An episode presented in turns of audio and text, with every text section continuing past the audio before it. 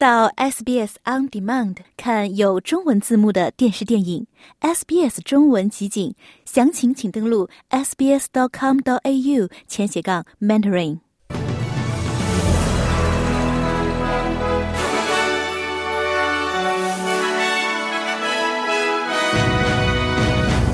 澳洲考虑重启对京东救济和工程处的资助。维州发生4.3级地震，多地有震感。冰岛一座火山数月内第三次喷发。至少九人在巴基斯坦大选期间遇袭丧生。以下是新闻的详细内容。外交部长黄英贤谈到了支持巴勒斯坦难民的必要性，并考虑重启对联合国近东巴勒斯坦难民救济和工程处的资助。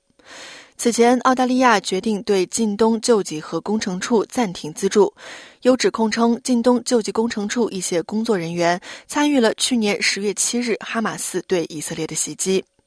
黄英贤表示，他已经与近东救济工程处进行了沟通。此前有报道称，在以色列终止资助所依据的卷宗中，没有证据表明近东救济工程处的工作人员参与其中。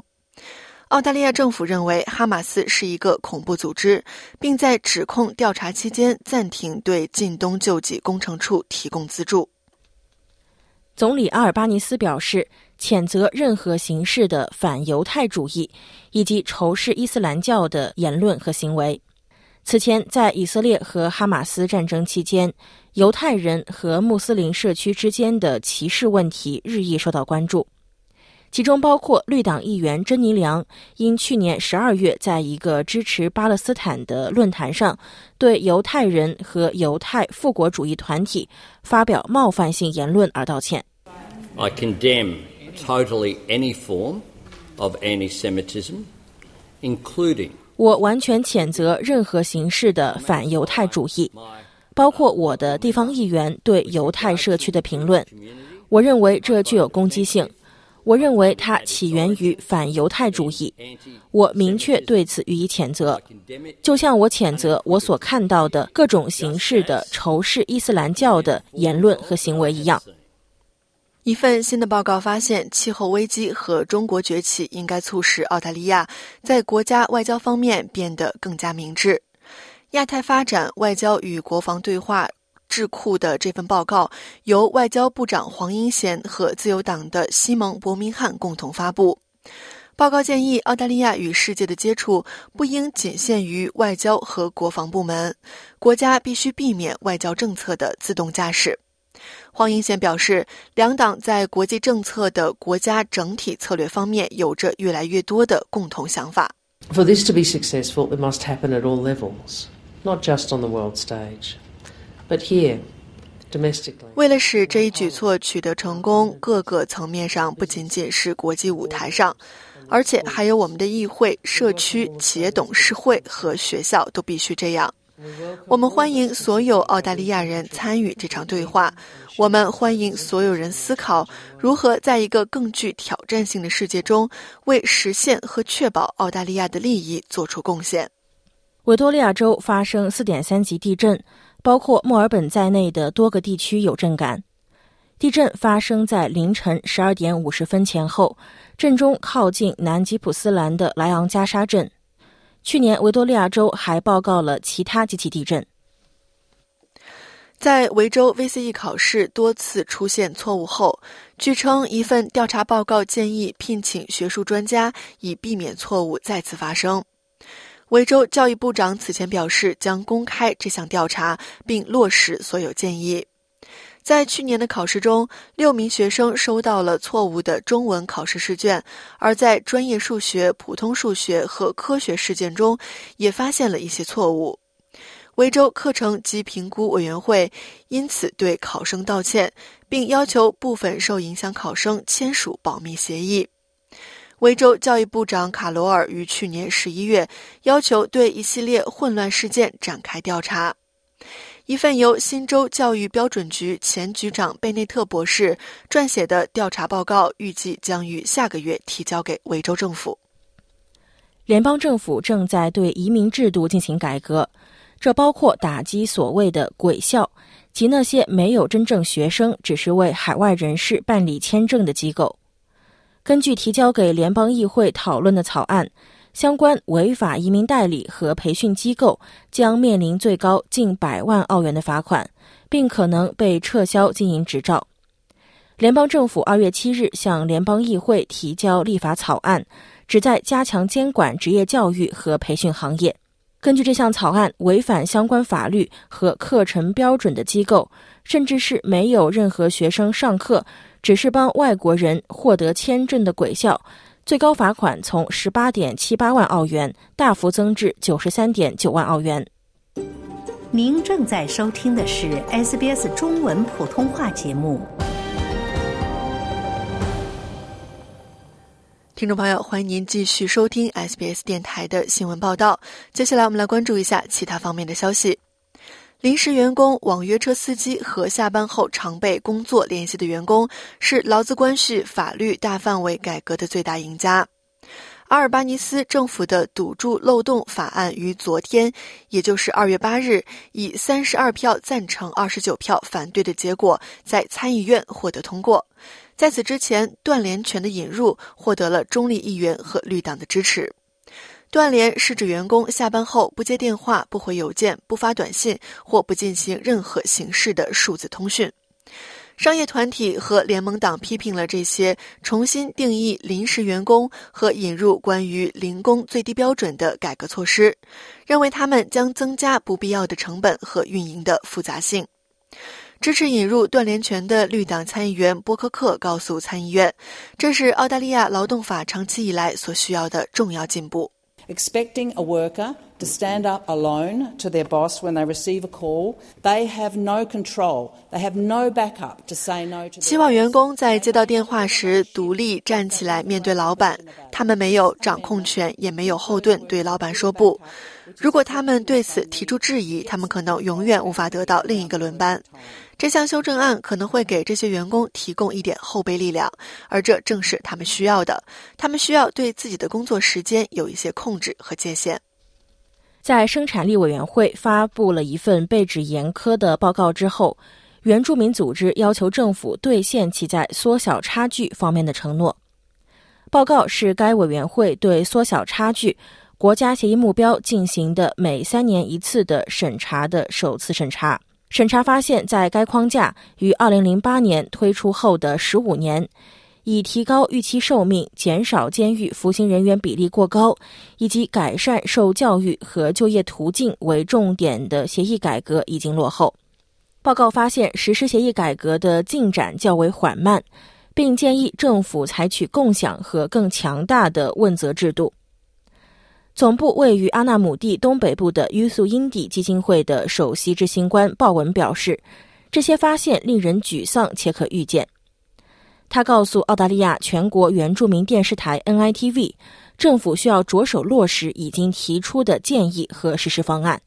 Uh, obviously, um, a, a, mechanism that triggers the action part of implementing these. Uh, um, 显然，需要一个触发执行这些缩小差距目标的行动的机制，这样我们就不会继续不断的谈论它，这样我们就不会把资源花在收集我们已经知道的数据和统计上。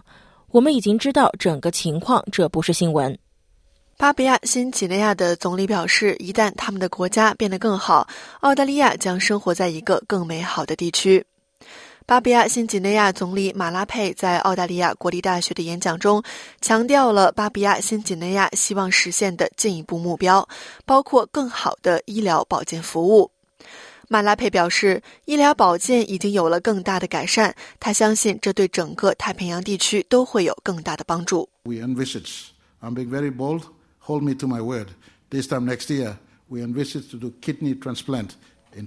我们的设想很大胆，但请相信我的话。明年这个时候，我们计划在莫尔兹比港总医院进行肾移植手术。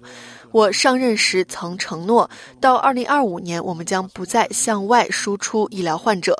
今天，我想宣布，我们正在接收来自所罗门群岛和其他太平洋岛国的病人，他们将到莫尔兹比港接受心脏和内窥镜检查。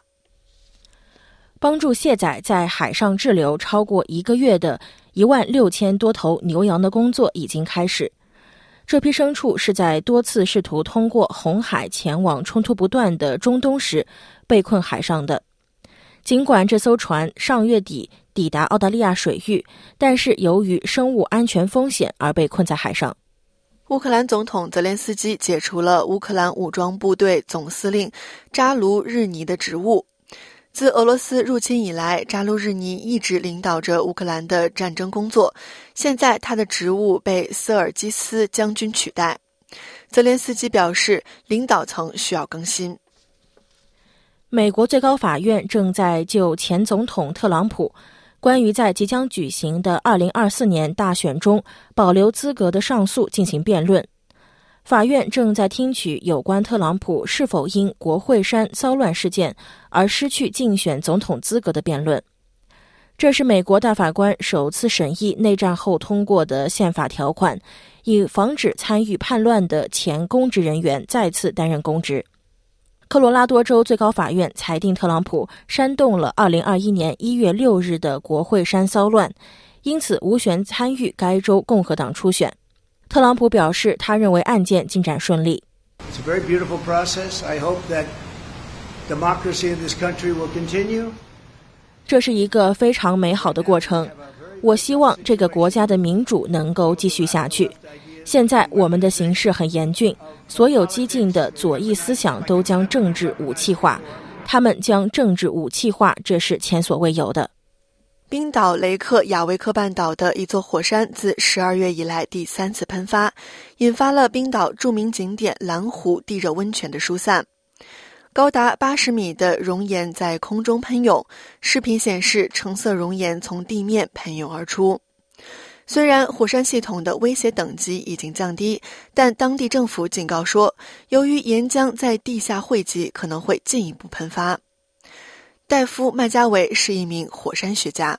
Yeah, what's happened today is it's basically a very coarse repeat what happened back in December, and it's linked very strongly. 今天发生的事件和十二月份发生的事情大体相同，这与一月份火山爆发时发生的情况有着密切联系。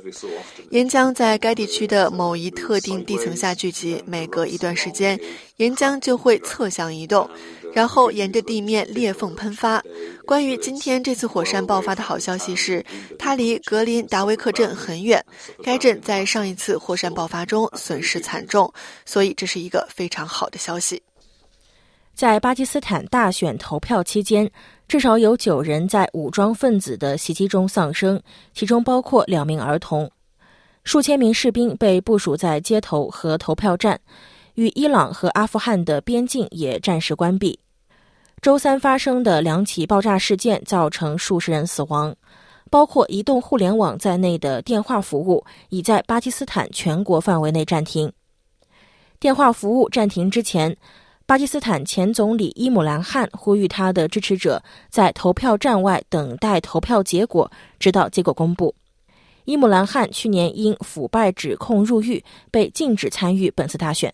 接下来，我们来关注一下国际货币市场。截止到澳大利亚东部夏令时早上的七点五十五分，在国际货币市场上，一澳元可以兑换零点六四九美元、四点六七三元人民币、五点零七七元港币以及二十点三八四元新台币。新闻节目最后再来看一下全国各主要城市今天的天气情况。悉尼多云见晴，最高温度二十七度。墨尔本多云，最高温度二十二度；布里斯班时有阵雨，最高温度二十九度；堪培拉晴，最高温度二十八度；阿德莱德晴，最高温度二十九度；珀斯晴，最高温度四十一度；达尔文阵雨可能有暴风雨，最高温度三十一度；霍巴特多云见晴，最高温度二十三度。